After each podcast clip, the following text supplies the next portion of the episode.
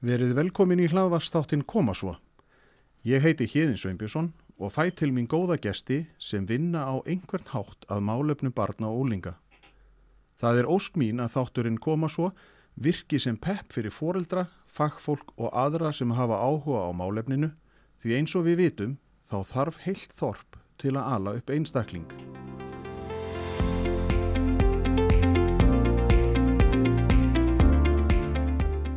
Verið velkomin í þennan þátt af Koma svo.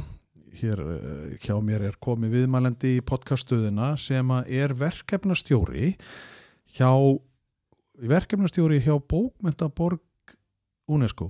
Reykjavík Bókmentaborg UNESCO. Já. Er það svona sem að segja þetta? Já, þetta er rosa stór titill. Það, já, þetta er svolítið svona þjáll þannig að þegar þú Já. segist vera að vinna hjá þá er alveg bara Reykjavík Bókmentaborg UNESCO. Já. UNESCO segi ég og þú segir UNESCO, UNESCO. En hver, þá Það er í þurfum svona alþjóðlegu samstarfi. já, maður verður svo maður verður svo mikið úglensk Ég er búin að vera í Breitlandi í viku núna. já. en hver er viðmælindin? Viðmælandin er Lára Aðarstinsdóttir. Lára Aðarsteinsdóttir og nú, nú byrjar yfirheyslana því að nú eins og venja er í þessum þætti að þá verðum við náttúrulega að fá að vita svolítið um manneskjuna á bakvið nafnið og sagt, að bera svona voðalega fínan titil með UNESCO Það er náttúrulega bara, þú veist, þetta er lítil stelpa sem að fættist á fjórðungsjúkushúsinu á Akureyri og hérna, en búin að eiginlega búa í 101 Reykjavík meir og minna allæfi. En hvað gerði maður á Akureyri? Eða, þú veist, varstu þar sem krakki nei, var Já, í fimm ár. í fimm ár, nú varstu fimm ára þá fluttið í, Já. í borgina, semst í 101 Þá var mér bara skellt á bæstastrætið. Ok, og hefur ekki farið sér af síð Nei, og keiftur kannski af fóreldunum líka? Nei, ekki alveg slemt. Ég er samt með mömmu hjá mér í húsinu. Jó, svo gott að hafa mömmu.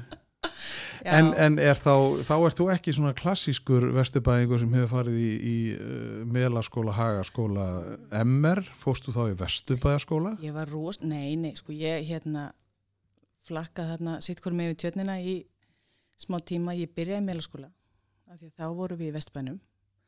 Svo fer ég á Þórskutuna og elst upp á Þórskutunni og þar er eiginlega skólagangan, Östubæðaskóli og ég svona, hvað ég segja? Já, ég var agalegur krakki, alveg bara downtown Reykjavík. Ok, Já, og býr svo á Þingolstræti þegar ég er að fara að byrja í mennskóla já, og horfi inn í kennslustofunar í MR úr söfnarbríksklökunum mínum og hugsa bara nei, ég, ég, þetta er ekki ég.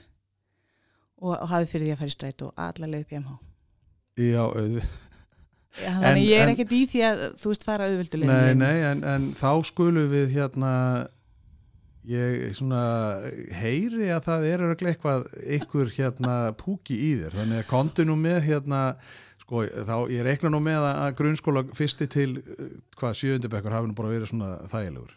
Nei, ég var, agal, ég var hræðilegu krakki. Eða það, Já, ég var bara, ég var örgulega gjössamlega óalandi og óferjandi.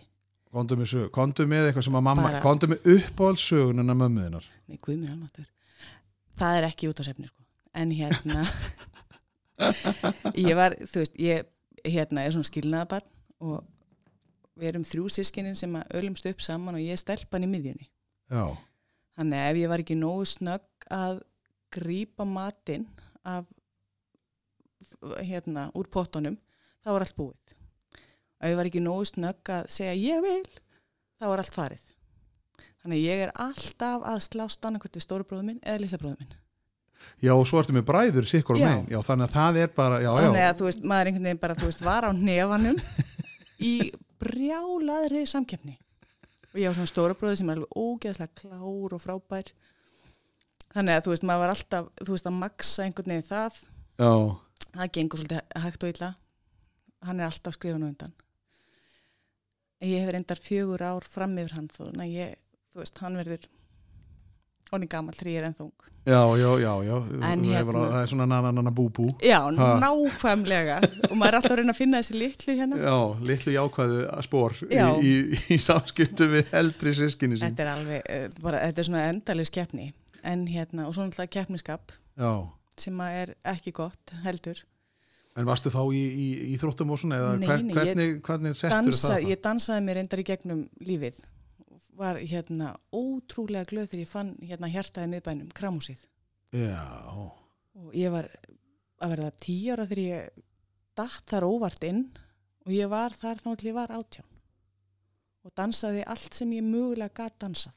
Já, bara öll námski sem þeir byrðu upp og það, já, bara, ég- þá, þú varst, veist- þá var bara Lára alltaf komið bara, halló, ég ég, mætti. ég er ekki grínast, ég skúraði kramús á tímabili svo ég geti tekið fleiri námskeið. ég, þar, þú veist, maður bara reddar sér. En ég meina, og hvernig var það? Ég meina, Östubæðaskóli eða ekki? þetta var agalegt alveg. En, en, en var, já, en samt sko, nú er mikið af svona, hérna, var ekki mikið af, af sko, Östubæðaskóli, það er mikið af hérna fólki þar sem er svona uh, skrifandi, eða svona kreatíft, eða hvað, veist, hvað heitir svona, sko, ég meina, þú þarft bara, að, það kom kannski aðeins setna það kom setna, já, það voru, jú, það voru náttúrulega skáld að kenna okkur. Já, og það var alls konar fólk að kenna okkur. Já, og við vorum kannski svona árgangur sem lendið allt í einhvern veginn illa í því framan að vorum að byrjuði með indislega kenningara sem að hérna svona, já, ólokkur hann upp og gerði okkur kannski svona góður í heild, við erum óslega góður hópur. Já, svo fengum við svolítið verið kennara. Og svo fengum við aftur óslega góðan kennara. Og svo lendum við í svona meillibils ástandi og svo kom Guðmundur Sigvardsson sem var skólastjóri sérna og hann svona tók utan um okkur og hjálpaði okkur í gegnum gaggan. já, Þá vorum við orðin svona ansi brotin hópur en okkur, þú veist, okkur tókst þetta og við erum frábær í dag. Já, það er náttúrulega, maður, svo, maður læri svo lengi sem maður lifir? Nákvæmlega. Maður Bara, svo er eitthvað svona samheldni sem að myndast. Og, Já, ég, maður var í skólanum og þú veist, maður lærði að, já, En, en má, hvern, má maður segja í þetta, að maður hafi lært að reykja bak við skóla já, já, Já. Við, erum, við erum ekki þannig, þetta er ekki svona útarp, útarp. Þetta er náttúrulega bara, maður veit að maður gerði ímjömslegt. Já, Og, og varst, en þú tilurur þeirri kynslu sem að var nýra á hallarsplanin líka? e, ég, ég svona náði svona dreggjónum af planinu, en ég var hins vegar í sko miðbænum í drikkjunni. Já, Það var, það var, það var mitt, já, minn tími. já. En var, var hérna, sko, nú var tónabær, hvernig var þetta þegar, þegar þú varst? Voru félagsmiðstöðunar komnar eða var, Tónabær áttu þið bara að fara í tónabæ eða hvernig var svona, var það stemmarinn eða frostaskjóljapil? Nei, við fórum ekkert mikið yfir tjötnina. Nei, já, og sérstaklega ekki vestur. Nei, Nei, það var alveg, það var algjört nón og són. Við hittumst á hérna hvað Vesturbærin og Östurbærin. Svo var bara kallt stríð sem ríkti þarna. Sko. já, það var bara frost á milli Já, já, já, og, og það var ekkit hérna, Jésús, þarna þú kistir ekki stráki að hagaskóla. það, En samt, en samt er svo merkilegt að svo hittur allt þetta lið í MH já, já, og já. þá já. er bara allt, og allt bara í blundu og, og, Bara, eh, þá er þetta búið. og þá er það bara búið. Þá, þá er maður náttúrulega svo fullorðins. Bara komin í mentó. En gekk þið þá klakklust að komast í gegnum úlingsárin svona að því að, að þú veist maður prófa náttúrulega ímislegt og svona Nei, en, nei, en, var, en va- varstu þá bara svona veist, ég var óalandi og óferjandi úlingur. og er, myndi mamma þinn staðfesta Já, og hún segir bara, Lára, já hún var sko Já. óferjandi og óalandi. Bara alveg, ég var, þú veist, ég var ræðin og skemmtileg, ég var hugmyndarík og, þú veist, ofsalega gaman að vera til. Og þú veist, mér fannst óbúslega gaman að vera með fullorðin fólki, heima var alltaf ofsalega mikið af fólki. Og við náttúrulega byggum svona eins og í þorpi, það voru við og við vorum kannski, mamma byrjaði að snemma eiga börn, vinkonarinn voru setna eiga börn, þannig að ég stundum segja að ég er 11 mömmur Já, sem eru hann að vinkonuna sem byggu hann á þóskutunni, lokastíknum, óðinskutunni og þingostreitunni. Þetta var svona, já, þetta var svona Mhm. þorpið okkar og maður gekk með stóla og reiksur hann á milli eins og þurfti bara já, á þessum tíma. Stundum glös og hérna diska og svona eftir því hvar partínu voru haldinn. Hann að hérna, svo voru allar þessar frábæru konur að ala mann upp og það var svona bara eftir því hvert þeirra sérsvið var sem þar já. tókum hann af sér. Þannig að þegar það var eitthvað þá bara ég ætla að tala við þessa núna. Já, eða, þú veist, maður, þú veist, datt inn og það voru kannski fimm í heimsum það bara, jæja, Lár, hvað er að frétta um þetta? Og maður bara, jésús, nú kemur yfir Ísland, og hvernig kæst ég út úr þessu? Þannig að, þetta, þú veist, þetta var En- indislegt og Já. það er, mér þykir svo vænt um þennan hóp Já. sem að hérna, þennan vinahópina með minnar, að það er alveg með ólíkindum. En er ekki, það er líka eitthvað svona, þetta, þetta sem myndast, það myndast eitthvað svona, sko, eitthvað þorpstemning, eða klað, þú veist, bara eh, svona þorp í þorpi, eða þú veist, Já. í borginni, sko. Og, og þú þarft í rauninni ekkert að fara, því það er bara, svo gastu bara verið úti og það vissu Já, að allir að væri að fylgjast með þér, eða svona, þú veist, það var þessi, Já, sko, að, að er þetta ekki bara þannig að maður vissi að maður gat, eða mamma eitthvað treyst, alveg svo mamma fylgdist með hinum þá, Já, á já. móti, sko, að þið gáttu svona verið nokkurn veginn örug í umhverfinu.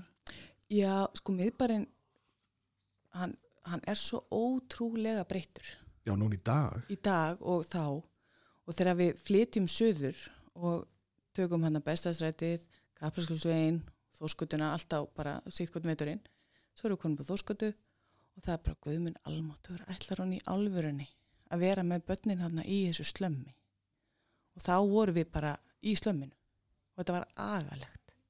Þetta var, uh, var þetta slömm? Já, já, þetta var bara, þú veist, þú varst bara í miðbænum og það voru engin hús þarna, þetta voru bara íbúðir og hvað er allt þetta fólk að gera, þú getur ekki allir börn upp þarna, það er ekki garður. Nei, ó, hræðilegt. En er samt voru að hvað með öll söfnin sem eru þarna, Já, sa- nei, nei. listasafn Einars Jónssonar. Fólkið og- akkurir sá það ekki. Nei, já, þetta voru akurirengarnir, og þetta var fjölskyldar fyrir norðan, sko. já, þannig að þau voru svolítið svona, já, voru bara tilbúin til að redda Láru og kontum við Láru mín heina norður. Í, við vorum alltaf fyrir norðan sumrin, sko. Reykjavík á veitunan, akkurir á sumrin, eða Hrísi. Það já, kemur annað elementin í þetta. En, en, en, en, veist, en það að alast náttúrulega þarna upplýtur líka veruleika ákveði frjálsæði, þú veist, bara fá að vera og, og Þetta er það æði. er náttúrulega ekki mikil umferð þarna, það er svona, þetta er náttúrulega sérstætt hverfi. Þú ert með, sko, rónarnir voru vinnir þínir. Leipidóni var þarna. Hver? Leipidóni. Leppidóni? Leipidóni, já. Það voru svona karakterar sem að Já, já, já, já, í já, miðborginni ok, já, og þú já. vissir, þú veist, við, þú talar við þennan en þú talar ekki við þennan. Þú labbar þessa götu að því þarna býr þessi en þú labbar ekki þessa götu. Bara, þú Já, þekktir vissi hvert þú að fara, já. og hvar maður labbaði einn eða hvar maður labbaði með einhverjum öðrum og hvenar þú gerðir ekki eitthvað. Já, Og, bara, og þetta, þú veist, það þurfti ekkert að segja þér þetta. Þetta var bara einhvern veginn svona vittneskja sem bara svona já, bara kom, færðist já, einhvern veginn já, á milli Já, sem að hérna svo náttúrulega vorum við með hérna rónana þeir náttúrulega voru upp á holti mhm, þannig að þeir voru svona svolítið í kringum þórskutuna og lokastíðin sváu stundum þú veist upp við einhverjar hérna svona, hvað ég við segja, skúr, hurðir og svona. Mhm, og maður svona vissi hver var sæmilegur og hver var ekki góður og svo framvegs en þetta, þú veist, sem krakki að fá alla þessa fræðslu þetta er bara, þetta er hellingur í svona bara mannlegum samskiptum. Auðvitað er þetta náttúrulega, maður verður aðeins að fá að, að, að þú veist, það, það er ekki þannig að maður getur alist upp án þess að sjá, meina, þetta er bara, svona er lífið, Þetta er það er bara bara- þannig, þetta er bara, það er til alls konar fólk, já, já, sumir eru hefnar en aðrir, bara, veist, en þetta er bara, þetta, þetta var rosalega gott að vita af þessu. Já, og bróðum ég og litli var, var hrættur sko við rónana. Og maður svona, að nei, nei, þetta er alltaf þú getur alveg farið hérna nýra á hot hilshúsi var semst neðst á þóskotinu á óðunstorkinu já, og þar var frænk okkar sem voru mikið hérna, og það var nammi hilshús sem við sótum í. En hérna, þannig að hann, þú veist, komst þangað en fór ekki mikið lengra. Já, svo stundu var hringt bara, já, ég Lára, lapaði nú á mótunum alla, hann er á leiðinni. Af því að það mögulega gætt einn hann verið á hotninu já, Þannig, að- og þú veist, þetta var ekkert mál. Svo fluttu við nýra á Þingolstræti þegar ég er 14 ára. Og það er farsótt það sem hann gistiskíli lengi, lengi og þá hérna stoppuðu þeir oft í töppunum hjá upp á húsin okkar og svona hérna voru aðeins að kvíla sig svona og reyna hérna ná það er svona aðeins að etruða sig upp áður en þeir færu að þeir máttu ekki fara semst mjög druknir inn í farsótt hvað heitir húsi? Farsótt? farsótt, já, appisinungulega hérna gamli hérna Berklaspítalinn Já, ok, já, og kölluðu þið þetta farsótt? já, það, Er, þetta eitthvað svona, því ég er nú að þetta, nú ert þú að kenna mér eitthvað nýtt, þú ert að segja mér eitthvað nýtt, þannig að ég, Já. maður er bara komin inn í þess að þú er bara komin inn í be, miðborgina gamli hérna. berglaspítalinn sem var, hann, hann er bara kallað farsótt. Og mjög svona eðlilegt nafn fyrir eitthvað sem Það var bara- kannski ekki ég, þetta er bara það eina nafni sem ég veit um þetta hús. Já, ok, alveg, já, ég held að þetta veri bara almenn Ég vitneska. held að ég hafi bara aldrei heyrtið þannig að nú ætla ég að fara að tjekka og þú veist, endil, þetta er skemmtilega. Þetta er, svona, þetta er svona saga sem maður veit ekki því maður, ég er náttúrulega bara að Já, úff, maður sagan hana í miðborginni. já, Svo komum við sko lappandi frá bankastrætinu, settist á tröpunar hjá okkur, aðeins reynda að ná úr sér mestu vímunni já, og löpuðu svo að fastið. Þetta voru svona fjögur hús, já, svo að maður að á. Á, kannski satt eitt fyrir tröpunum og á spjallaði maður eins við og já fór svo heim. Svo þegar ég fór að vinna á hérna bara í miðborginni sem úlingur, eða svona 18-19, þá voru, voru þeir að dett inn og bara, ertu að leiðinni heim, Lára mín? Á ég að lappa með þig? Það er nú ekki kannski örugt að lappa núna heim. Já, er nú gott að þið gáttu varið líka fyrir. Ná, hvað, þannig að þú hafðir Já, hérna öryggis já. netiði. Þannig að þetta hafið, þetta er náttúrulega líka þú veist, indislegt fólk. Bestu- ekkert, þetta er ekkert, þetta er bara svona óefni Já. sem þið lenda í Þetta ólánsamir og náttúrulega bara veikir. Já, og það er svona sjúkdómur. er þetta bara, en ég minna, já, og sjúkdómur, já, já, og svo bara, en er alveg vænstu skinn. Já, já. En auðvitað náttúrulega verður maður kannski sem krakki getur maður alveg tekið svona, uh, maður verður hrættur af því að það er eitthvað. Já, en þetta lyktin samt sko, já, ég, nei, maður nefnilega, þú sérð að þú þarft ekki að vera hrættur. Nei, Og þetta kannski gefur mér eitthvað sá kannski svona samkjönd með hérna já, fólki. já, já, maður lærir ímislegt, Já. það er bara þannig. Þú veist, ég lapp ekki fram hjá mannesku sem liggur í göttunni að þess að aðtöga hvort að ég geti gert eitthvað. Nei, nákvæmlega. Og það er bara það sem ég er búin að læra af því að þekkja. Já, umhverfið. Þessa já, mína, og- sko. Já, já. Það er þetta, þeir eru nú, er nú gott að fyrst að allavega að þeir myndu vilja nú fylgja þér heim. Ah. ég meina ekki vildi þeirra að maður færi ó, hérna, verndaður í gegnum næturlíf. En, en svo ferði MH og þú talar um að þú ferði strætó að Já. það var svo uh, skemmtilegt að fara í strætó Akkur hjólar ekki, ert ekki svona uh, þá, Nei, það var örglega búið að stela öllum hjólum af lungu hættur að reyna að eiga svoleiðis. já, það, Þú veist, við erum að tala um 100 í Reykjavík. þetta er bara þetta er eins og það, þú, þú ert bara að lýsa ykkur allt öðru lífi heldur það sem ég er vanur sko, maður er bara hérna hvað hva erum við stönd í plántinni Við erum við það hvað fyrir aldamótin. Já, en ég meina, ok, þannig að þú fer í MH og þar hlýtur náttúrulega líka annar heimur að opnast fyrir, ég meina, þá ertu náttúrulega að, að hitta hagskælingana sem að náttúrulega þá vesturbæðingina sem þú máttir alls ekki tala við þegar þú varst í austurbæðaskóla. Ég bara ekki svo svar, ég held ég hafi næstu því komst í gegnum MH á þess að kynnast þeim neitt mikið sko. Ég kynntist alveg fullt af dásunlega fólki, að enginn hafi verið í hagskóla.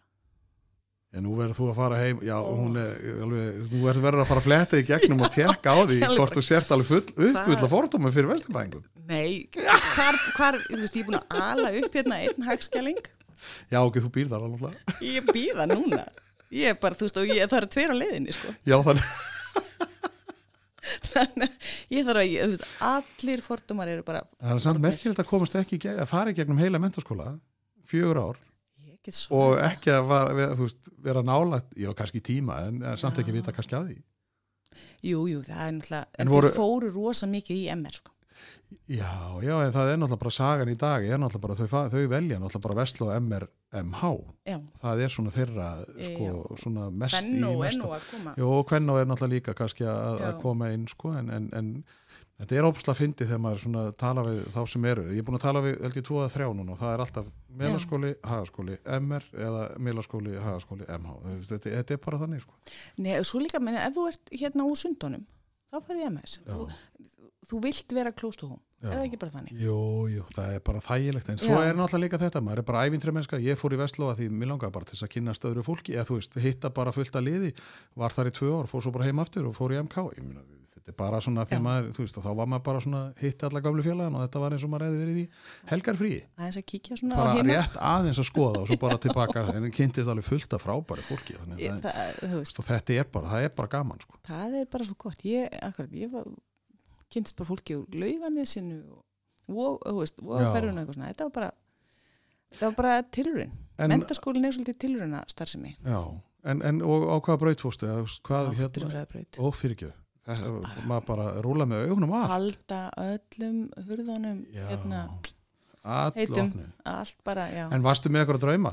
Náttúrufræðbraut er náttúrulega þá, þannig að þú hefur læknir eða bara ég var, ég var alveg, ég, nei ég ætlaði sko að fara í líffræðina og ég ætlaði að verða hérna erðafræðingur það var svo, var Kári nýbúin að opna hérna, já ég held að það hlýtur að hafa verið eitthvað svo díkótumra, ég, ég var reyndar alveg hilluð að líffræðinni já, og ég held ég að tekið bara allt sem ég gat í líffræði.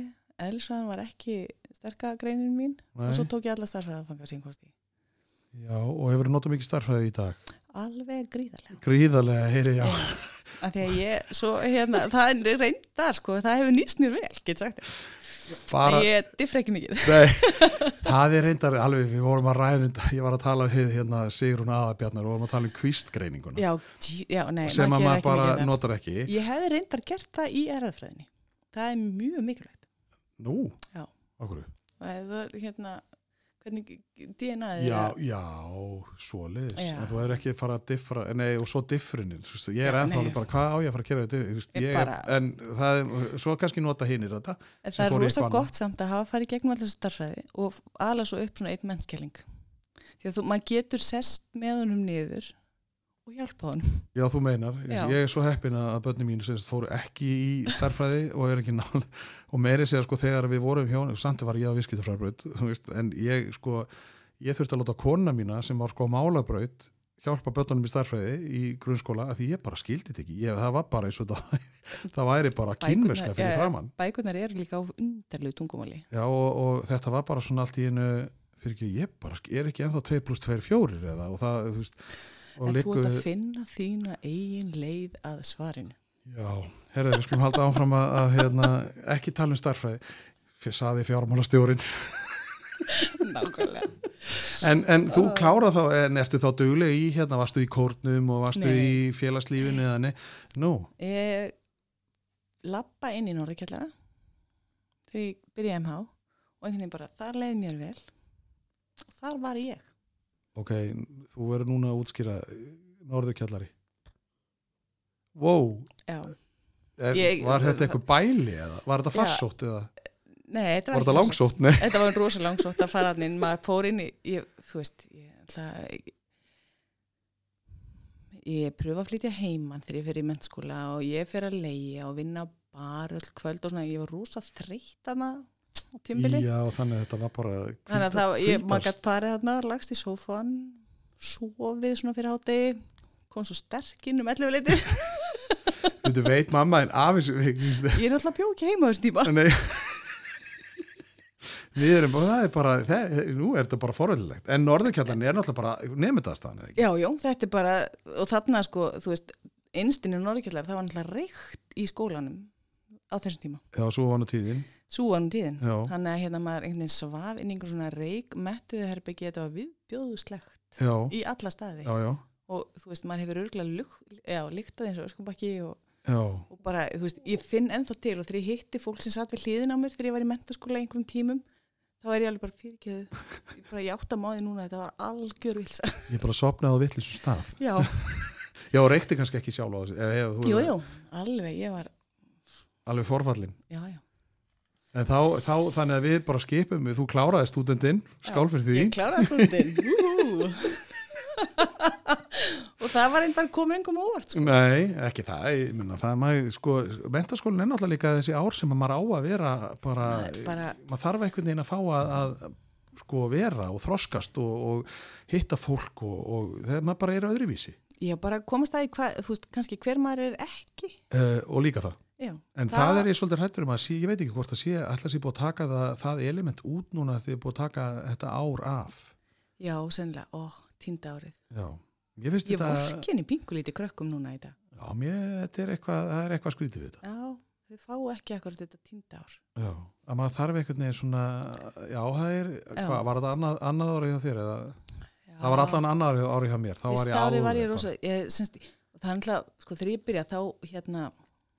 var ég ég ég, sko, ég hérna uh, var hverfistengingin þannig ég komst ekki inn fyrir um áramót að því ég var semst ekki að fara í hverfiskóla Já. En byrju, hverfiskólinn þinn þá var hvað? MR þannig að því ég var bjóð hann hinn með aukvölduna Já, en býtu var ekki þá ekki þeir með eitthvað svaka kröfur á, á engunir, sko. þú Jú, ég fórst- hefði alveg náð því, sko. Já, þú hefði náð því. Já. já. Þannig að ég bara, bara ekki MR. Nei, Þannig að ég fer semst út úr hverfi, þarf að býða í halda ár, vinna á skattstofunni.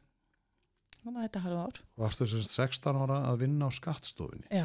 Og hvað varstu að gera? Sortari post? Það, nei, það var nefnilega svo frábært. Ég var að skrá framtöl. Við erum að tala um það er svo langt síðan, ég er svo gömul. Já, þetta er pappaframtölin. Þetta er pappa, eða þá var hérna, semst, þú skilaðir inn framtöl og svo þurft að skrá allt Já. sem að stóða á framtölum. Og þannig að ég vann við að skrá framtölin. Svo vann ég inn á tryggingadeildin að skrá tryggingaskýslur. Svo var ég beðin um að fara fram í ágrislu að því að ég inni og frætt og hinn er litur svo ill út. Þannig að ég er svona, mm, ok. og þá satt ég fram í ágrislu með Guðmundi Stengrins trommara. Það var ótrúlega gaman því hann var allan daginn að tromma á borðið sko Já, og segja frá því hvað þeir hefur verið að gera í stúdíónum kvöldið og þeir voru að taka um glingló og frábært platta og þú veist það var svo gaman já, já, já, já, já, já, já. þetta hefur verið þetta 16 bara, ára að vera þetta var æði ha? þetta var bara, það var ævitýri okkur um einasta deg en myndi 16 ára að fá vinnu hjá skattinum í dag? E, líklega ekki ekki, nei, þú þurftir að fara að vinna á okkur um um aðtasta. Já líklega sko þú veist 16 ára í dag var heldur ekki einn heima hjá sér 10 ára bara að sjá um heimili Nei. eða 12 ára út í Noregi að passa börn Nei þú veist, Nei, já, og það er- svo, já, þú já, veist, það við bara sem, breyttir, sem já. betur fer það bara eru börnin okkar börn Já, og það er, við þurfum að halda fast í það að börnin Já. séu börn. börn, En hvað gerir þannig að þú bara ferði MH og þú hérna, sagt, hva, hvað var tínd árið þá? Hvað, hvað er þá árið sem að þú hérna, þú hefur þá byrjað með trukki og dífu bara og tekið fyrstu önnin allavega já, ég, þetta, þetta byrjaði ágætlega Já, Nefn, þú veist, og ég hérna fekk fína, fína reyngunir nema í íslensku. Ég tók hana í íslensku hundrað no, nokkuð oft. Og það var eiginlega, þú veist, þeir svona bara ég heldur að það bara ég var búið með allt nema íslensku hundrað. Er íslenska hundra þá var það það, eitthvað svona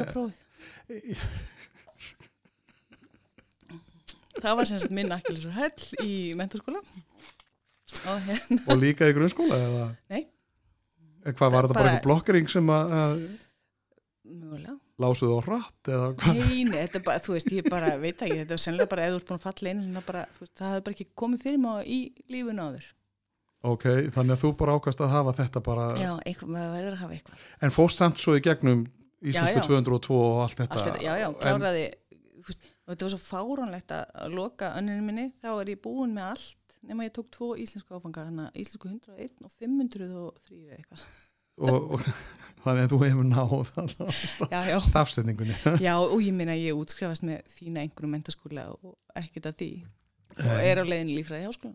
og á leiðinni lífræði. En, en hvar varst, var, hvað, var þá annað árið eitthvað svona, varstu þá byrjuð að, að þú veist, hvar var það svona, að því að eins og maður veit, og ég meina, ég, eins og ég segi, ég fór í Vestló og annað árið mitt þar var alveg, þá var ég sko allur í félagslífinu, nefndamótið og þetta var bara langt fram eftir nóttu, æfa, syngja í kórnum og gera og græja og þú veist, redda og Ég var eitthvað svo svona. mikið bara, ég var bara að djama. Já, þú varst bara að djamma. Já, svo náttúrulega var líka djam. Já. Það er náttúrulega Það, þannig. ég, ég var bara þar Og svo svona, og vinna og Já. þú veist, borga leigu Já. og eitthvað svona en það kom allan að þetta svona smálæg, en svo uppgöðu að maður heyrðu, já, maður þarf í staðins að hissi uppi sig Já. ef maður ætlar að fara í lífræði eða gera eitthvað annað. það er líka bara þetta, og þetta var svo vandræðilega kannski auðvelt. Já, og það, þú veist, ef ég bara mætti tíma ég heyrði, myndi allt sem kennarinn sagði þurfti ég ekki endilega mikið að hafa fyrir því að glósa eða eitthvað.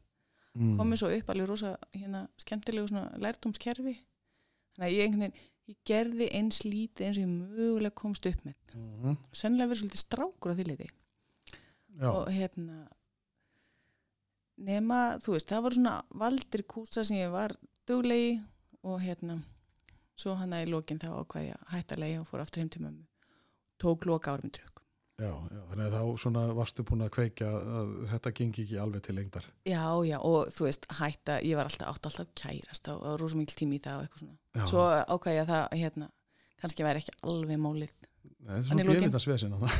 Ah, þetta er svo flókið.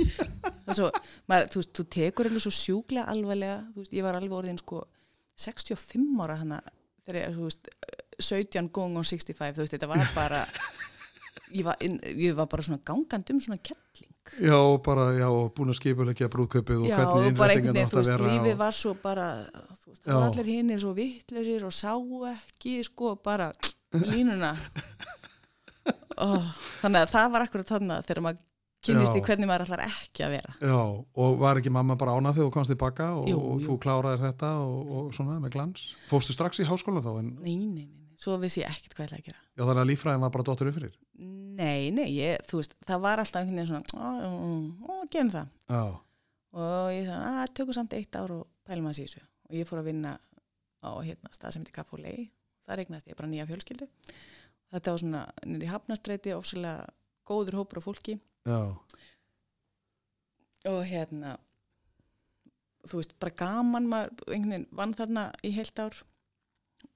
Kokkaði, vann á bar, dyravörður. Og þetta var svona bara, já, lítill kjarlinn sem að held þessum staði gangandi og Marja sem áttan sem var svona, hún var bara svona big mama já, og hérna veist, þa þarna eignin eignaðist maður svona, já, nýja fjölskyldu til að vinna með þarna eignaðist ég fyrsta, eða semst fann ég fyrsta manni minn og, og verð ólétt og þá hugsa ég, já, já, best að fara að skrá sig á skólan já, það er ekki,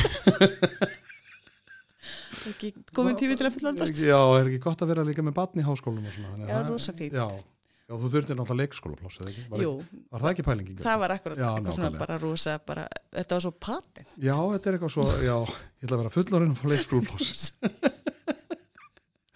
er þetta kannski, þú veist, lífið svolítið bara gerist. Já, já, svo þú veist er ég að fara hérna lappa upp í háskóla og er að skrá mig og einhvern veginn er á leiðinni að fara æ, maður kjænslu skráin var ógeðslega þykk já, og ekki á tölvutæki fórum mig þetta er í frum dagar internetsins og þú veist maður búin að blaða gegnum þess að kjænslu skrá þannig alveg endalaust og eftir sviðum og ég var búin að setja hann einhverja svona hérna, svona hérna bleika miða það sem ég hafði á.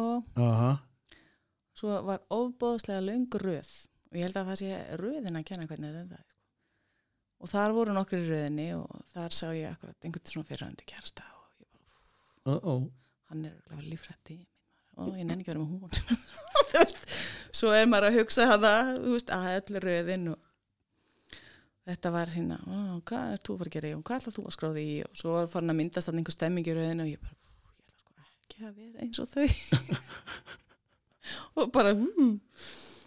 finn svo bara fyrsta gula meðan nei, bleika meðan. Og bara almenn bókmyndafræði ah, frábært. Skráðum í almenn bókmyndafræði kem svo heim og bara hm, heyrðu um, sesta rúmstökinni á ömmu og eitthvað bara, já, ég skráð í almenna bókmyndafræði já, ertu eitthvað að hissa því? segir þá amma 90 tveggjara vissi allt En, en akkur kom það henni ekki á óvart? Meina, hvað, sá hún þetta bara fyrir? Eða varstu, varstu þá búin að vera svona bókagrís? Af því að við Já. erum að þetta tengist efninu af hverju þú ert að vinna hjá bókmyndaborginni. það er nefnilega kannski bara þú veist, í öllu mínu ruggli þá tókst mér samt að lesa hana vera sílesandi bara ég, Já. bara, ég er krakkin sem satt með bækurnar og ég þú veist, get bara sónað út ég, þú veist, þegar ég mæti mentaskóla og fólk er að ofta að skrifa svona hérna einhverjum íslensk tíma hvert múið lesa skrifa ég og skrifa og skrifa og skrifa og skrifa og skrifa og skrifa og skrifa, og skrifa.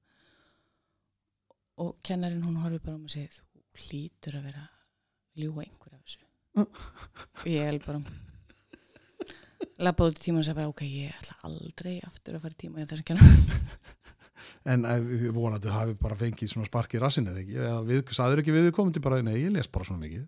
ég, ég sagði, jú, sko, hérna þetta er bara, þetta er bara ein af öllum bókahillanum heima og hún bara.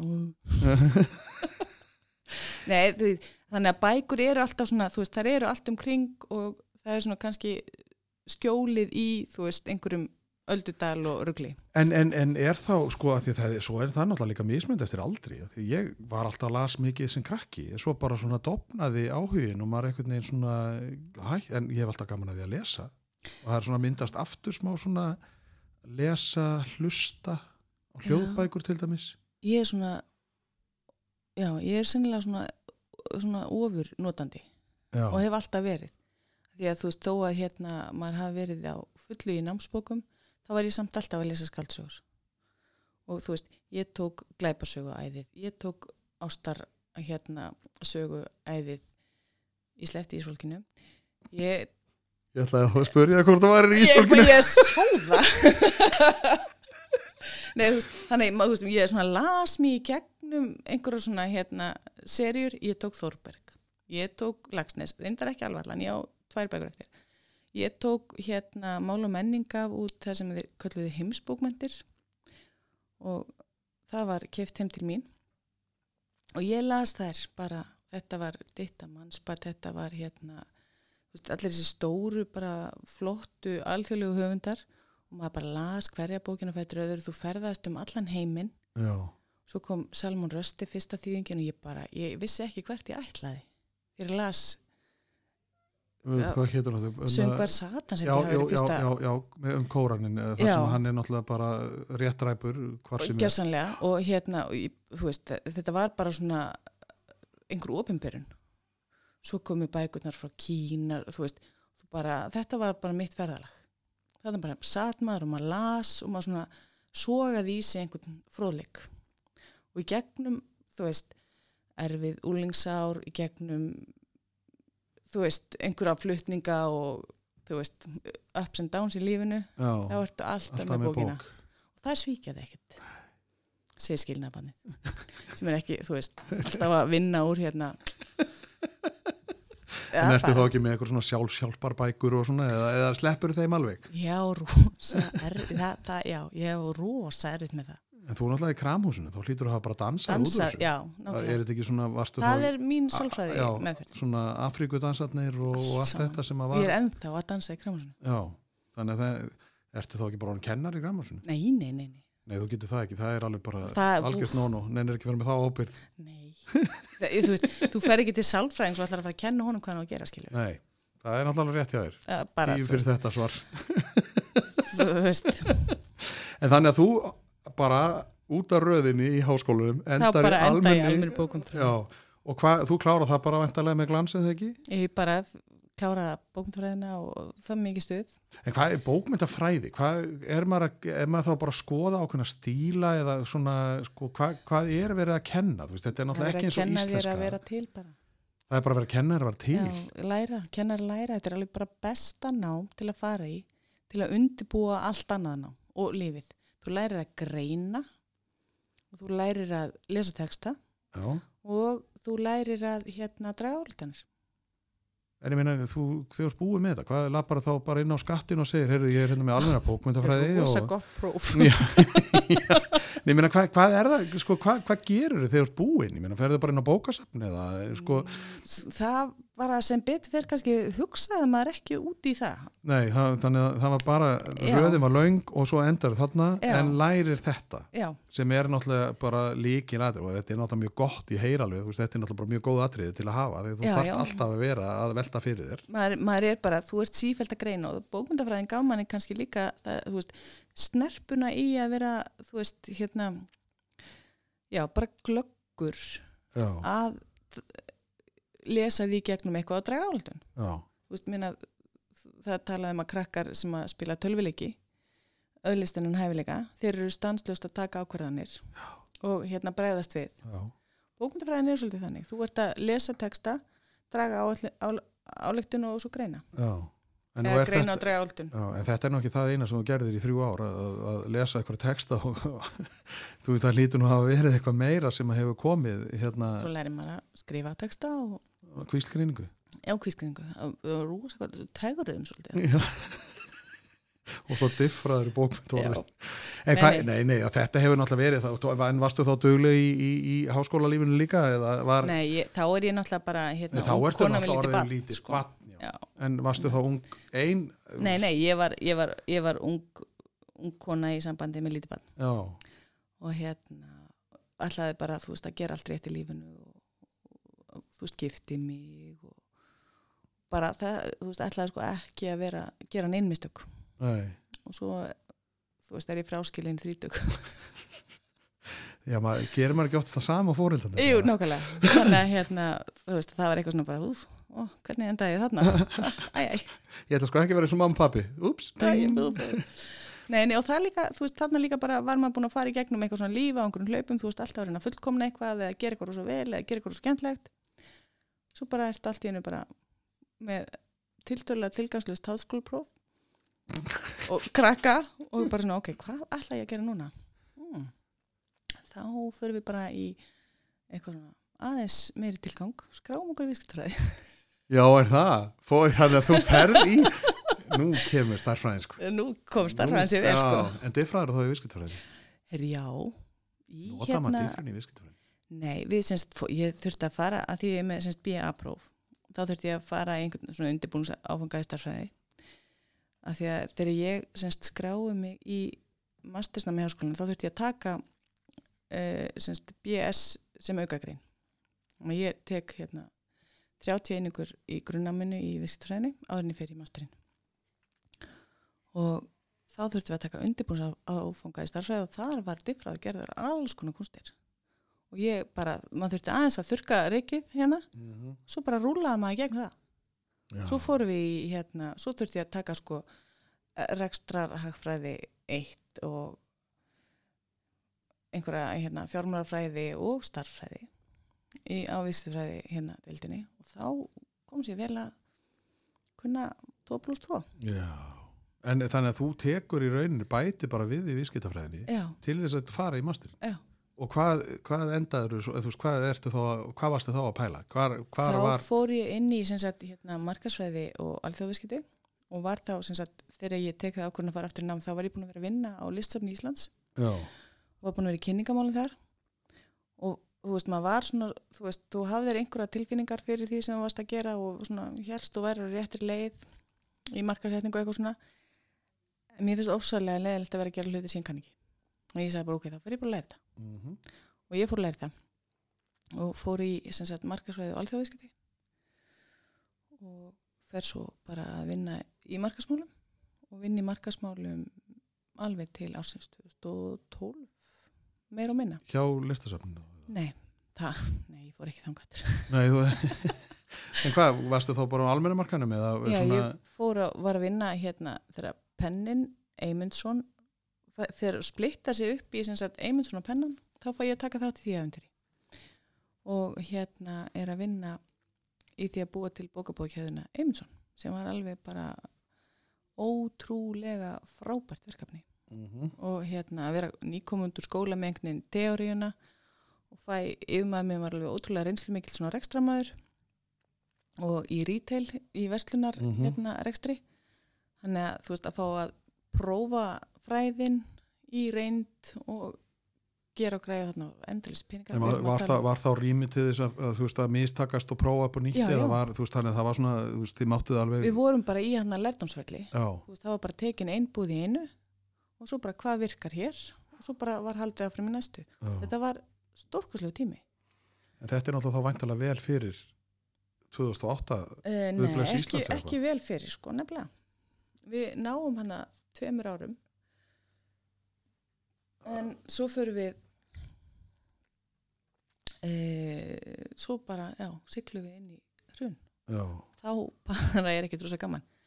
nei og þá, þá er náttúrulega líka allt bara einhvern veginn í, þú veist, en þú, þú hefur þá ekki hætt þar, Jú, er það? Ég hætti sagt þegar hérna þeir strákarnir sem áttu pennan á þessum tíma á Eymundsson, þeir missa fyrirtækið. Þá hugsaði ég bara, ok, þú veist þetta er ekkit gaman lengur að segja upp. Já, og og þá móðir eða? nei, nei, nei, þá er ekki reyndar einstæðmóðir lengur, en hérna, en næja bara landa nýri vinnu áður en þetta, þetta gerist bara alltaf á einu mánu Já, og fer að vinna með Magnús Geir upp í Borgarleikusi þá er hann á fullu að hérna, endur svona hanna ímynd Borgarleikusins já, þannig að við bara skellum skellum í bara overdrive og hérna Borgarleikusi verður hérna hvað hefur segið, það verður bara vinsalasta menningastofnun í runnu það kaupa sér allir gort leikus og, og ég held að við höfum komið bara næst í helming þjóðurinn í leikusið sko.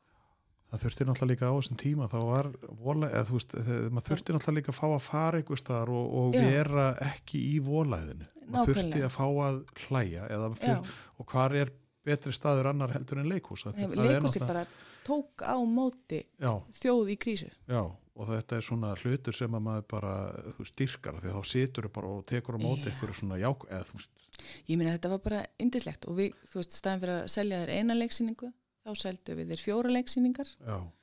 Og þú varst að gera brjálæðislega góðan díl og, sjálfsögðu þá tókstu góða dílnum. mm, Þannig að þú sást farsan, við náðum kannski að selja þér eina svona um, sýningu þar sem þú mentaði staðins, eina fjölskyldusýningu og svo eitt eitthvað svona klassík. en það er þetta líka bara en þá og ég og þetta, þetta, er bara mjög sniðugt. þetta, þetta er stórkoslegt að þú veist einhvern veginn fá fá þig inn í leikusið já, og ekki bara einu sinni heldur fjóru sinnum því að veist, upplifin þín verður miklu stærri. Leikusið hefur þá fastan tekið grunn til þess að þú veist, þú, þú veist að hverju gengur í vetur. Þannig að þú getur haldið áfram að framlega sýningar og getur tekið sensin á að vera kannski þá með eitthvað nýtt já, eða telurinn og þá líka klassikina eða gaman leikur, leikur, leikur til sem þú veist að kemur til með að hérna, virka.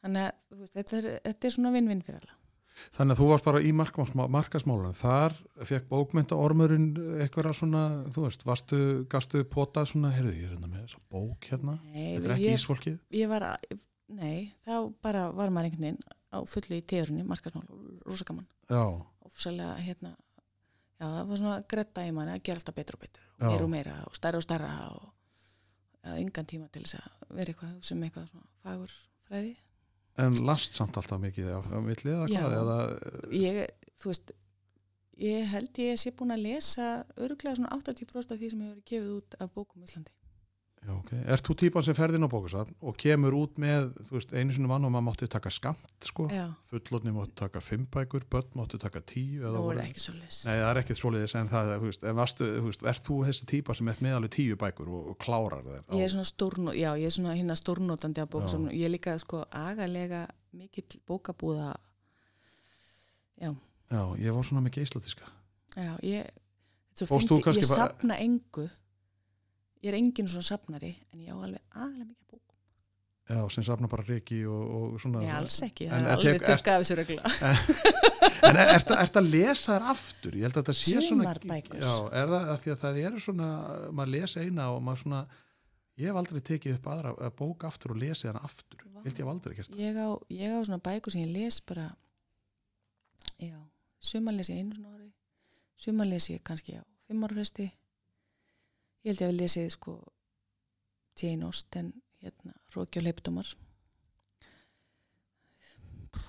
já, hvað ég sé búin að lesa ég hef sannlega lesið hana 20-30 sinnum sko.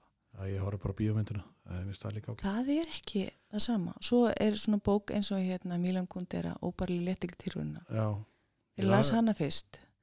Það var svona eitthvað bara þá, þá gerist eitthvað haustum á mér. Og ég bara, vá, má þetta þetta er bara rosalegt og nafni Tómas hefur bara síðan þá verið einhvern veginn svona, vá það er eitthvað svona, það er eitthvað svona galdur í nafni Tómas þá bók tek ég reglulega og les en, en er þetta, sko, nú er vinkora mín svona líka, hún alveg tekur bækur og hún getur svo leiðis grenjað yfir þessu og ég bara skil ekki hvað hún er að tala um, sko. við, erum ekki, við erum ekki komin í ljóðabækunum sko. Í ljóðabækurna? Já. Já, nei, hæ, nú, veist, ég, ég trúi þér ekki. ég bara, ég, þú veist, ég, það eru svona einstaka bækur sem eru, þú veist, akkurat blaðsjöðnar eru svona svolítið krumpara því að ég hef kannski grátið hann þar Já, já, já, já, er, ertu þannig, sko, sko, ég á mjög erfitt með að sjá fyrir mér. þú veist, ég bara les bók og ég er alveg svo bara, þú veist, maður er að lesa sama og upplifun, sko, mín upplifun og svo konunar og vinkonunar, þannig að, við erum, veist, ég er bara, á hvaða lifi er sko, þú veist, maðurinn minn grætur yfir hérna svona Hollywood bíómyndum. Og þeir eru, hann er svona prógrammer er alveg bara, þú veist, bara, það er ítt að taka hann og hann bara byrjar. Og ég er svona, ó, ok. En svo get ég verið að lesa einhverja skaldsögu eða ljóðabók og það er aðalega ljóðin sem að spila á mig.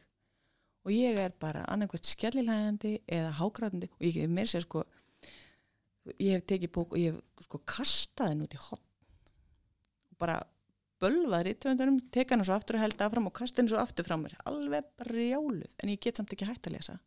Ég verði að klára.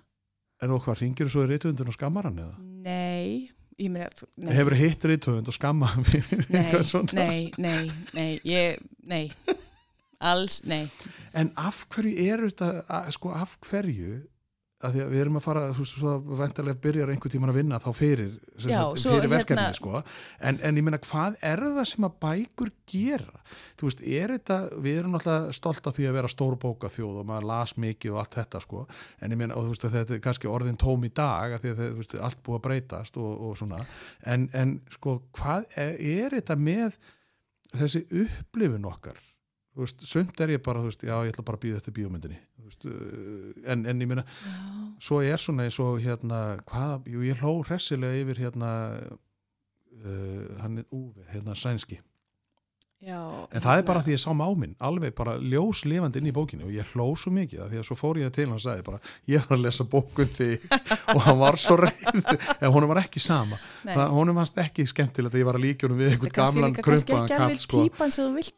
Nei, ég, en Já. ég alveg, sko, mér fannst hún, sko, ég hló og hlóa að það, en það var náttúrulega kannski að því að lýsingarna voru þannig að ég þurfti ekkert meira en svo er eitthvað svona, að maður er í prófi í íslensku í mentó og svo er aukað spurning tólka þetta ljóð. Og ég náttúrulega bara las ljóðið og já, hér er höfundur að sína að Malbi getur verið stórhættul fuglum og eitthvað. Og svo bara fær maður null fyrir svarið og ég bara, býtið þú baðist með að tólka ljóðið.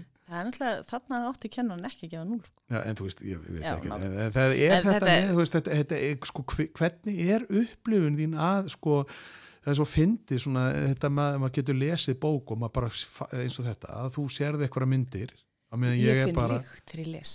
Nei, Jú, ég sé liti, ég finn lykt og ég bara ég, núna, hérna beið lengi eftir að hérna fann, komast yfir hérna 60 kíló sólskin eftir Hallgrim Helgason. Og ég hef akkurat við, ég hef átt svona blandnar tilfinningar með honum í bókum, bókunum hans. Og þarna hef ég búin að hlaka til búin að fylgja svolítið með ferlinu og vissi hvað hann var að skrifum og mjög spennt. Byrja að lesa.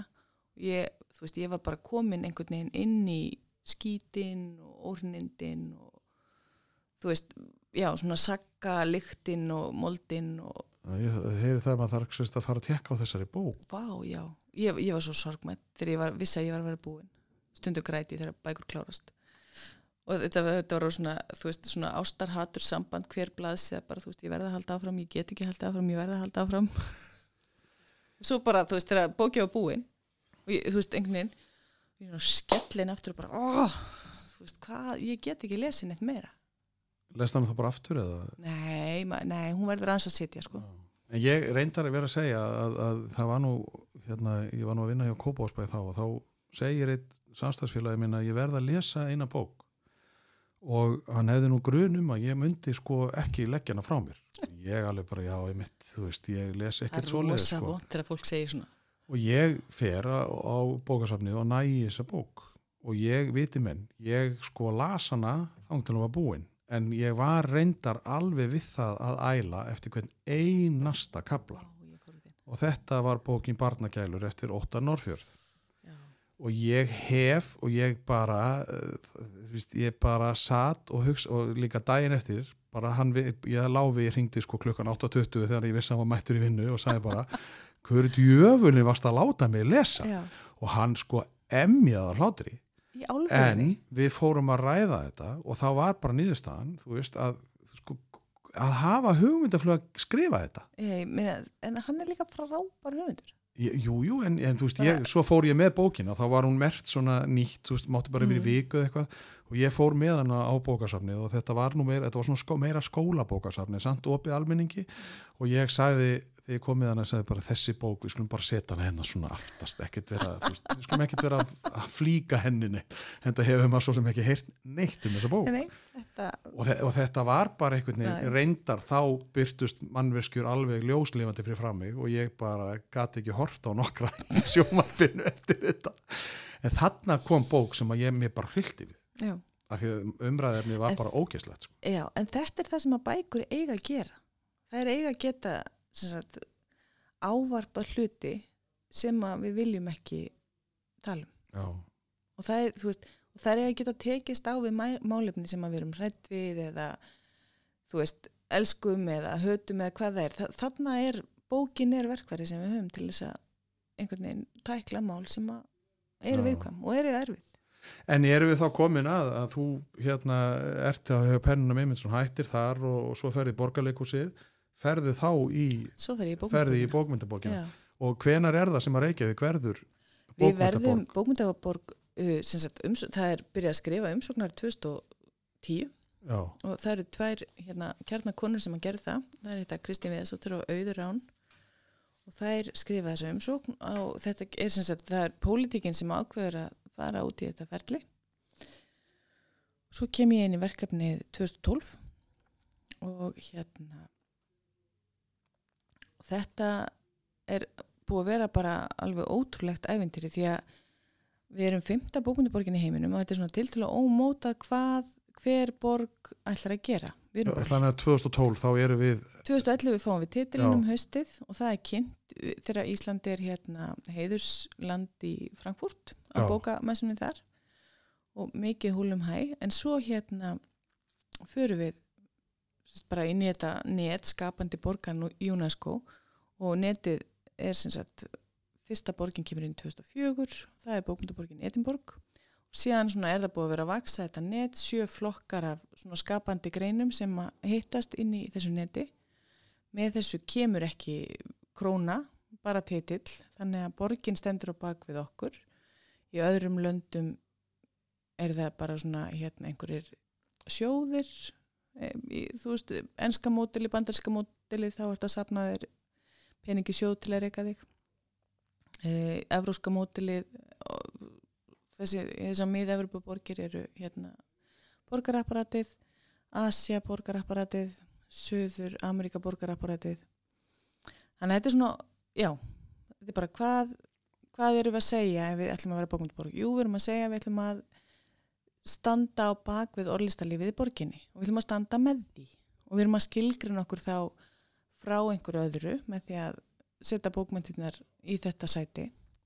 Og það hefur borgin gert vel og í þessu verkefni við, þú veist, getum staðið með græsrótinni, við getum stutt við nýsköpun, það eru við að gera í þessu, við getum verið með lestrakvarningu þannig að þetta er svona, við reynum að fara þar sem að vantar stuðning, þar sem vantar kannski einhverjar tengingar og svo líka bara draga hag aðeila saman. Því að það er svo merkilegt að við erum ennþá að koma staði að þó að við séum í þessu lilla samfélagi með þess að fáu aðila eða leikmenn í bransanum þá eru ekkit endilega allir að tala saman. Nei, nei, það er náttúrulega því að maður geti mögulega hugsalega kannski ljóstrað upp einhverju lindamálum. Já, en við erum, við erum að komast yfir það Mm.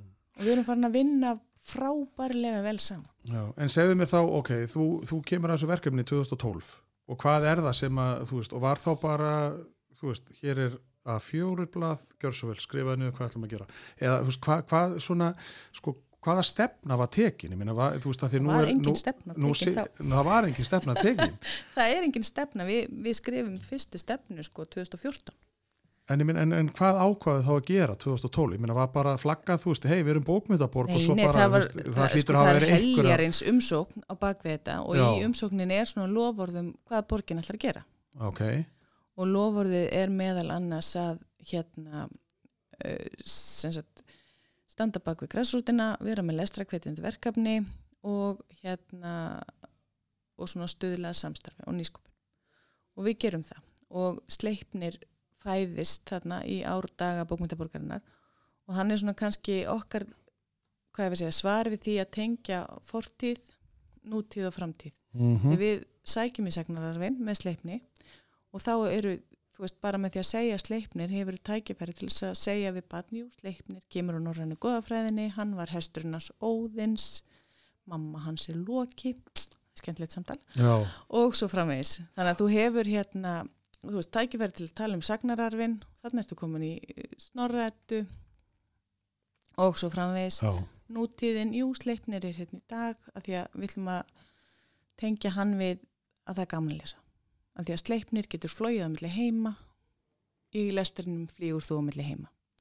Framtíðin, þú veist, við erum að búa til eitthvað nýtt, við erum að fá reytjöfunda til að skrifa fyrir okkur og við erum að fá krakka til að skrifa og vera með svona reyðlista verkefni og þetta er allt eitthvað sem að vonandi við sjáum að kemur til að byggja En, meina, en, en, hvernig er það? Ekki það að við, við getum alltaf rætt um sleipni uh, tökum það á eftir að því að þetta eru geggjaða bækur sem er með hérna.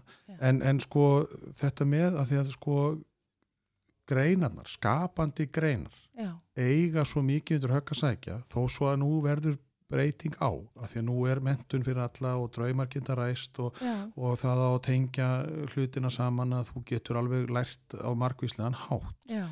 Sko, hvað er það sem að sko geti komið þið eitthvað að eða svona er það eitthvað svona sem að, þið hafi verið með svona í vinnunni, undirbúnisvinnun til dæmis fyrir menta sko stefnu borgarinnar að, að þú veist, íta undir þú veist, af því að það er náttúrulega ekkert sjálfgefið að þú færð kvartningu að skrifa, ég meina bara það eitt, þú veist, neði skrifa svo illa. Ég veit það, en það er sko, það sem að bókmyndaborgin hefur búin að vera að segja núna í sjö ár er að það er gaman að lýsa. Og inn í nýju mentastefninni þá stendur að sagt, börn eða geta lesið sér til skemmtunar. Já, Tjapping, þú veist, 1-0 fyrir okkur. aha, Og síðan er talað um rillist og við erum alltaf, við erum búin að vera að hamla, eða hamra á að skapandi skrif eiga hvarinn skóla. Við vorum með lestraháttíð á hverju ári hérna í mörg ár sem að við ætlum síðan að afleggja núna vegna þess að skólanir gripu þann bolta. Við vorum að bjóða smiðjur, við vorum að senda kennarinn í skóla, við vorum að bjóða fullta efni til kennarana og hérna og þá svona, þú veist, kviknaði það, já, ok, hér er eitthvað sem við ættum að vera að gera á haustin. Og nú er allt hérna reyndar leiðilegast orði heimi, lestrar átök í september, oktober og november í skólum borgarinnar. Og þetta er eitthvað bókmyndaborgin var, tók, lagði oktober undir eftir alveg sko, mikið samráði í skóluna, hvað er besti mánuðurinn, oktober, þannig að við vorum með lestra átt í bókmyndaborg. Núna þurfum við ekki lengur að vera með kvartningu fyrir skólan í oktober, þeir eru allir komnir inn í sína rítlist, sitt lestrar átak sem að mér þætti svo væntum við að allir myndu kalla bara lestrar kvartningu já og hætta að vera í átökum. Það vill lengi vera í átaki. Nei, nei, af því það er eins og þetta sé bara Já. einhver, einhver barótta að, að, gera, veist, ég þarf að léttast, ég er í átaki. Nákvæmlega, þetta er ekkit átak. Þetta er bara að þú tekur bara bók og fer að lesa. já, af því þetta á að vera gaman að lesa. Já. Það er náttúrulega, þó að þú sérst að lesa Andris Önd, ég minna það er að lesa. Ég, finna, þú veist, við skulum, það, það er allur lestur góður. Að, veist bara, og við skulum ekki taka, tala niður Andris. Andris er frábær. Ég lærði sko dönsku með því að lesa Andris Önd, þannig að bara, við skulum alveg hafa þá á hreinu því það núti. Andris, Andris er eðal bókmyndir. Já. En hérna, líka sko, þýðingarnar, nákvæmlega. Og þá kemur sko önnur bókmyndagrein sem eru þýðingar. Já, Við erum með sko frábærar þýðingar í Andris Önd. Það búið búa til um mörg nýjórð, það er svo mikil nýsköpun í þessu. það er, þú veist ef þú myndir tala eins og Andrisblad það væri fyndið allan daginn. Það er reynda bara, þú veist, að því ég er náttúrulega elst upp við dönsku Andrisblöðin og svo kemur þetta á íslensku og maður var bara í þessu ú, ah, maður bara, nei, þetta er eitthvað, þetta er ekki eins og dönsku. Nei, en, veist, þetta er bara, veist, þetta er bara svo gott. mörg ár og svo voru hann búin að slípa og svo var þetta bara, þegar maður fór næsta þá var bara, guð minn góður, hver bjó til þetta, þú veist, maður var bara hvað er í gangi þetta? Er, og þetta er gaman, Já. en er, er þá ok, nú erum við náttúrulega komin að því að, að nú erum við með sleipni. Já, og þú ert með hérna tvær bækur og Mhm. það er meðal annars, hér er sleipnir og stór hættulega fjölskyldutri já, og það er hann Ævar Þór hérna, já, leikari og, og já, bara ef allt múlímann. ef Hann- ekki hann- bara segja ofur mennið, sko Já, og hann, er, hann, og hann er náttúrulega búin að gera svakalega mikið fyrir það, eða Já. fyrir lestur. Já, að, þú veist, að fá mann eins og ævar sem að sko nær hilli og eyrum allra banna, Mm. Stór og smá bara allir vita hver ævar er og ef að ævar segir það er gaman að lesa kontu með, ég lestra átaka ævars. Reyndar þarna, ég baða hann oft um að Já, segi eitthvað annað, já. Æja, en það voru allir með. Og þú veist, krakkar flyktust við að lesa stuttar bækur til að geta sett sem flesta miða og þá bara lesa og lesa og lesið. Allir skólar yfir fullir af krökkum sem vildu taka þátt í lestra átaka ævars. Já.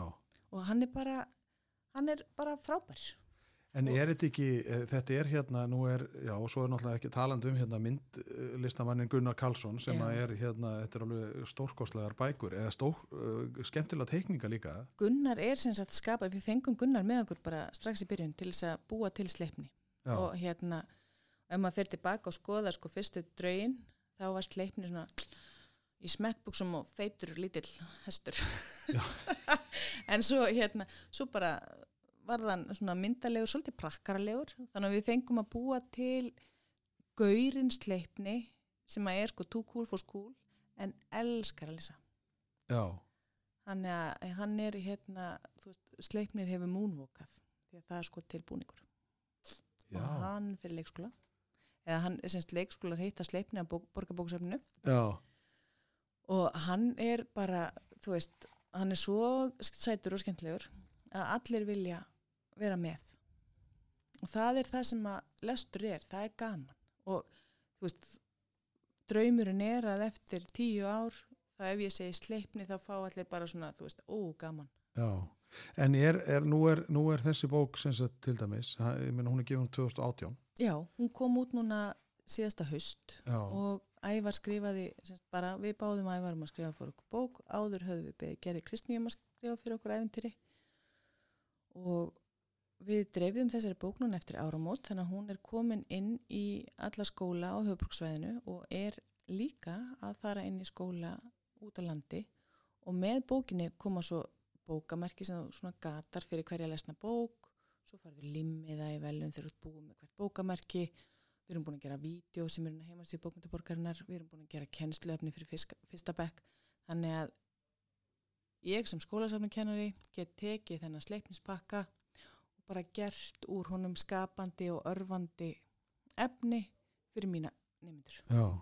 En er, er, nú sé ég að því að nú er, að þú kemur inn á gerðu Kristníu og ég meina hún er, nú er sleipnir, hann er allt öðruvísi fyrir þá leikskólan. Já, þetta er sem sagt sleipnir þegar hann orðinn svolítið fullorðin og þetta er úlingur sleipnir. Já, þannig að þið eru svona, já, En Gunnar, þetta er Gunnar að teikna. já. En, en er þetta, sko, nú er þetta kannski eins og segir að, að þessi hérna er kannski fyrir fyrsta bekk, leiks, síðasta árið í leikskólanum fyrsta bekk og svo er þetta þá fyrir hvaða aldur eru það að pæla í uh, sleipnir, eða sem spókinas ævars. Þetta er þriði í fjóruðbekkur. Ok, en, en hvað með hérna vandamála börnin okkar sem að lesa mjög lítið sem er þá væntalega, hvena byrja börn, sko, er það 50-70 bekkur Já. eða, og, og hvað, hvað á að gera, Það er, vonist þið það til er mesta verkefni, sko. Já, og þá kom sko stækkuðu augun fjórfalt hjá Láru þannig að þið eru byrjuð að plana sé, ég, Já, eða já hvað? það, er, það er komið plott sko og ég er komið í hausinn verkefni sem að vonandi, við getum byrjað á þessi ári sem að fer semst fyrir fjórða, fymta, sjötta bekk eitthvað svo leis Já, og það er svona hugmynd að búa til svona einhvern fjársjásleik fyrir þann aldur. já, þannig að þetta verði svolítið svona áþreifavelegt líka að, Já, lesa uh, svolítið, já, Já, svona það, þetta verður svona hérna, taktu þátt eh, einhvern veginn. Já, Já, og þau þurfa svona kannski líka svolítið að hafa fyrir því að grafa ofan í goðafræðina. Já, því að þar eru náttúrulega bara fullt af djús í sögum. það er náttúrulega það ég meina, þetta er bara norræna góðafræðin er náttúrulega bara yndislega því það er, og svo, þetta er náttúrulega fáranlegt eitthvað, þú veist, loki, hvað sagður mamma loki, Já, þú veist að maður er bara, bara ha, já, já, já, mamma hans var Loki Já. bara, Mm. mm, en, en, en er, er hérna sko, hva, hvernig lítur sko nú sem þú sem með þína, þinn bakgrunn í lestri og, og, fari almenna bókafræðina svona óvart eða þú veist, eða ekki eða, eða kannski já, ekki nefnilega, kannski, er ekki bara lífið eitthvað sem kannski gerist var nefnilega? eitthvað sem stýrði þér eins og ammaðinn kannski bara, já, já, þú ættir alltaf að fara það var alltaf svo leiðis að, að sko, hvað, en ég meina, er hætta á að við séum, sko, að, að fólk sé ekki að lesa? Já, já, það er alveg hópur sem les ekki. Já, en þá kannski þurfum við að bara láta þann hóp vita að hann geti farið að hlusta podcast já, og svo getur hann farið að hlusta ljóðbækur. Já. Eða þú veist, hann getur kíkt í myndasögur. Því að myndasögur eru bara vettfangur og það, myndasögur fyrir fullorna eru frábæri leið til þess að koma fólki inn í bókaheimin Ertu þá að tala um eitthvað, ertu að tala til þess um hana, japanska dótið eða, eða hvernig mynda, eða veist hvað er Nei, svona, þetta eru bara, þetta eru bara eh, hvað var að segja, þetta eru svona þetta eru bara myndhöfundar sem að skrifa og teikna já. fullónsbækur En hvernig er það nú við hérna? bara, þú veist, hérna e, ég verð sannlega ekki inn á lífi en við erum, við erum kannski bara pingulítið snoppuð hérna og við flokkum bókmyndirna svolítið niður í fagbókmyndir krimma, ekki töf en það er bara ekki þannig. Já, en hverjir eru það sem gera það? það? er nefnilega máli, ég held að þetta sé bara hugmynd. Já, að því að nú var, var ekki núna fyrst í, í að því að ég held að, að hún Bergrún Íris, hún Já. fekk velun eða ekki, fyrir barnabækur. Eða það var búin til sagt, já, Reykjavík borg sagt var að afhenda ný velun barnabókavelun Guðrunar Helgadóttur til heiðurs Guðrunar Helga Já. sem að bara samþýtti það að við myndum nefna þetta í hennar höfuð já og Bergrún fær fyrsta sinn þau velun. að því að, sko, að því í rauninni er þetta ekki alltaf þetta með sko, svo náttúrulega formið veist, á þetta að vera í kilju eða á þetta að vera bara svona, veist, eins og ísvolkið eða, veist, það var nú ekki merkilegu papir en fólk lagðist yfir ísvolkið Bara, þú veist, þú og bara, talaði ættfræði allt í einu ég var bara, heyrðu fyrir ekki, fyrst, Já. þekki ég þig fyrir þetta var bara, já, það var sko, hérna, og maður var bara, sko, og Já, já. þegar var fólk var farið að ræða, sko, fjölskyldu tengsl, ég var bara, fyrir ekki, hver eru þið? ég meina þessi börn með þessum nöfnum er að vera fullorðið fólk í dag. Já. Nei, já, og svo, svo náttúrulega líka því að ég, við hjónin döttum niður Game of Thrones og ákvaðum að klára bara draslið, þú veist, og þetta er náttúrulega auðvitað var þetta náttúrulega með sinni trukk og dífu og það, við vorum fann að lesa í sko og varnar orðin þegar var sagt, þú veist, Já.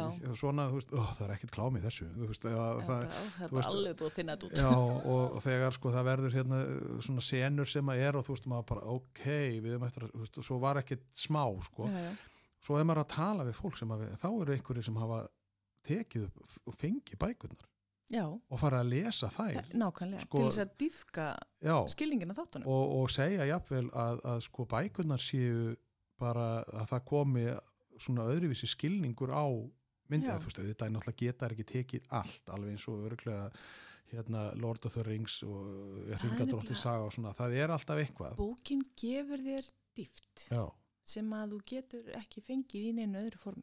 Nei. Og þess vegna eigum við bara, þú veist, við eigum bara að taka hvaða, hvaða bókmyndategund það er, hvaða bókmyndagrein og við eigum bara að næra þær. já, Og það er eiga bara allar að fá blómstra. Því við bara, veist, við viljum við hafa einstaklingsmiða nám í grunnskólum, eigum við þá ekki að hafa einstaklingsmiðaða bókaútgáfu. já en er, er það ekki þá, sko en eru, þú ert ekki eini í þessu, þú veist, þið eru ekki tvær eða, Við erum tvær. já, þannig að, þú veist, og ekki fáið þið allar hugmyndunar Nei, nei, nei, má maður henda á ykkur hugmynd, þú veist, Já, hei, hvernig væri já, þetta, myndi já. gera Við- þetta og svo leiðis Við erum, þú veist, við erum, þú veist, við erum svona, lítum kannski á okkur sem svona millist ekki. já, að við erum bara að taka við og tengja, við erum að vinna með og við erum að, þú veist, stóru verkefnin okkar eru samstagsverkefni. já, Og við erum, þú veist, það væri bara astnalegt ef við ætlum að gera allt tvær já og það var líka bara skrítið. En þið sjáu þá um alla skipulagningu á þessum, þessum kvartningar átök, eh, Þessu, fell ég alveg beint í grifjuna, sko, kvartningar átök, minna, sleipnir eru okkar verkefni Já. og við erum að gera það og við fáum til okkar fólki sem við viljum vinna með. Við fáum ævar, við fáum gerði, já, við fengum hérna, stóran hópa skólasamnakennurum til að vinna með okkur alveg, þú veist, með Dröfn Viljáms í farabroti sem er bara náttúrulega bara ædoli mitt, sko. hún er Já. upp í seljaskóla og er búin að rífa einhvern veginn félag skólasamnakennara upp og með svona gott stuðningsneitt með sér. Þær eru hérna Dröfn og Heiða og Sif það er bara flottir skólasamnakennarar hérna hann um, ó, svo mann ég engin nöfn, ég er mjög léli með nöfn. Fyrir fyrirgefið. Já. Og æ, þetta er bara, þetta er frábær hópur af fólki sem er inn í skólabóksöfnunum sko búin að vera fjársvelt. Núna er bara með samstarfi við Fýbút höfum við nána í tvö ár haldið svona skólabókamessu. Þú verður náttúrulega að fýp út, Já, fyrir ekki, ah, bransinn félag íslenska bókaútgefenda. Og Reykjavík borg og, og þá bókmyndaborgin Reykjavík. Höfum núna í tvö ár heldur svona það sem við kallum skólabókamessu. Þar sem að skólasafni kennara geta komið og kift nýjar bækur á hausti. Og það fara nýja bækur inn í skólasafnin þar, þannig býrðu til lesendur já, þú vilt ekki alltaf lesa gamla bók. Þú, vilt, þú ert búin með það, þú vilt fá nýtt. Þannig að það hérna og fleiri sveitafjölu hafa fyllt inn í það og sett fyrir til sína skólasafna. En því að kerfið okkar er þannig að skólinn fær pott sem að heitir held ég áhöld. Og fyrir það á hann að kaupa bækur og stóla og myndvarpa og staðan fyrir að skólabókasafnið fái bara sinn pott til að vinna með sem að ætti að vera. En er þá finna sagt, skóla uh, Safnakennar Já, skóla safnakennara þetta hérna eitthvað annað þegar ég var í skólanum. Já, það voru bara bókasafskennarar Já, safnkennarar Safnkennarar. En finna þau sko breytingu á lestrarvenjum krakka sko, eins og með sleipni og svona nú erum, við, nú erum við komin í grunnskólan Já, þannig að, þannig að þið er eftir að fá svona Já, við erum eftir að fá feedbacki með þetta. Já. við erum búin að vera semst að vinna með leikskólanum. Nú erum við bara rétt að komast inn í yngsta stíið Já. og svo bara ætlum við að halda áfram. Og við erum e, í samstarf með hérna, stórum hópa fólki í sögum e, sem að rúf keirir svolítið. já, já, já. Og þar eru við að búa til svona reillistarverkefni, þar eru við að hvetja krakka til þess að skrifa sögur og það eru kannski aðeins eldri sem eru dugleiri að skrifa en yngri. Þannig vonandi, þú veist, við fengum yfir 50 sögur í ár, vonandi fáum við ennþá meira næsta ári og svo framvis þannig að við erum að, þú veist það eru margir litlu hlutir. Ævar, bókmyndaborgin, rúf það eru allir að vinna þú veist í þessari hérna hvað við segja, á, á þessu sviði og inn í þessu fáu við svo gleðilega að koma að mörgum verkefnum. Já. Og það er kannski, þú veist, við getum styrt þetta, við getum ítt undir þetta, við getum farið í samtali við bókasafnið um að opna eitthvað eða, þú veist, gerum aðeins meira af þessu, farið með fleiri kistur, ekki hægt að senda kistur í frístundaheimilin og svo framins. Þannig að þú ert í, á einhvern undarlegan hátt ert þú bara í þínu rétta hérna, elementi Jössamlega. Að þetta með að sem betur fyrir varstu svo löt að þú faldir nefndir ekki að fara í röðina þetta, þetta, þetta hafði með einhvern strák að gera Já, og þakkum þeim pildi fyrir þannig að, að, að þetta, þetta er ríkarlega skemmtilegt og spennandi því það er alltaf svo gama þegar að sko vel náttúrulega gengur, maður veit alveg af þessu já, já. Og, og mér finnst þetta þetta er alveg stórkostlegt hérna, fólk ætti nú bara að fara Eh, þetta, er þetta bókasöfnunum sko, stóru Nei, líka? Þetta er bara fyrir skólana? Þessi bók er svo sérstök. Já. að þú verður að fara á skólabóksafni ef þú ætlar að finna þessa bók ævars. Já. og þær eru, sko, ævar er mjög mikið útlánaður á skólabóksafnum og það er bara byðruð eftir þessar í sumu Já, þannig að þetta er bara þetta er alveg stórkostlegt hvað einn maður getur líka haft Já. svona ofbúslega áhrif. Og hann er líka bara svo skemmtilegur. Ég meina, þú veist, það er þetta veltastum á hlátri og verða pinglutrættur það er hérna einn teikning sem að ég Já, nú verður, nú verður maður spenntur. Nú, hérna, fyrir útvars hlustendur podcast hlustendur, þá hérna er alveg frábæra teikning. Ég myndið ykkur hest með áttafætur gangandi um í hel. Þar sem að sko jarðvegurinn er búin til af hérna dánufólki. Já, er... Þetta er svona mjög komist myndlist, þarna er hérna, frábær myndhöfundur að sína okkur á mjög myndríkan hátt hvernig. Og svo er það næst í því svo hann sé að segja sko, æ, ó, æ, fyrir ekki, fyrir ekki, bara afsaka, afsaka, afsaka, afsaka. og þú veist, þetta er bara þetta já, þannig að þetta er við eigum ekki bara að segja, þetta er akkurat það sem að fólk á að gera, bara leita sleipni inn á hvetja fóreldra og alla bara til þess að reyna að finna sleipni og, og fá svo sérstaklega ævar í heimsókn. Ég þarf að fá ævar í heimsókn. Ég heyri það að ævar, ævar myndi örglega hérna, og ég meina hvað beinu, er ævar sko? búin að gera eftir að hægna bókmyndaborgin byður hann um að vinna með sleipni? Nú erum við með þín eigin góðsaga í leikursunu sem er stórkoslegt leikrit. Og þú getur valið hvaða leið þú ferð. Er það heimsendir eða fríðarleiðin Já, svo er það það líka, svo skemmtilegt þegar maður getur svona... Svo bara heldur áfram já. og þetta bara gefur og gefur og gefur og við, veist, þetta er ekki búið. Nei. En eru þið þá búin að finna einhvern sem maður getur tekið við keflinu sko fyrir 5. og 7. bekk eða sko... Ég ætla ekki að segja neitt. það, það er eitthvað dífis í gangi. Það er eitthvað, já, eða sæði augun nóni núna.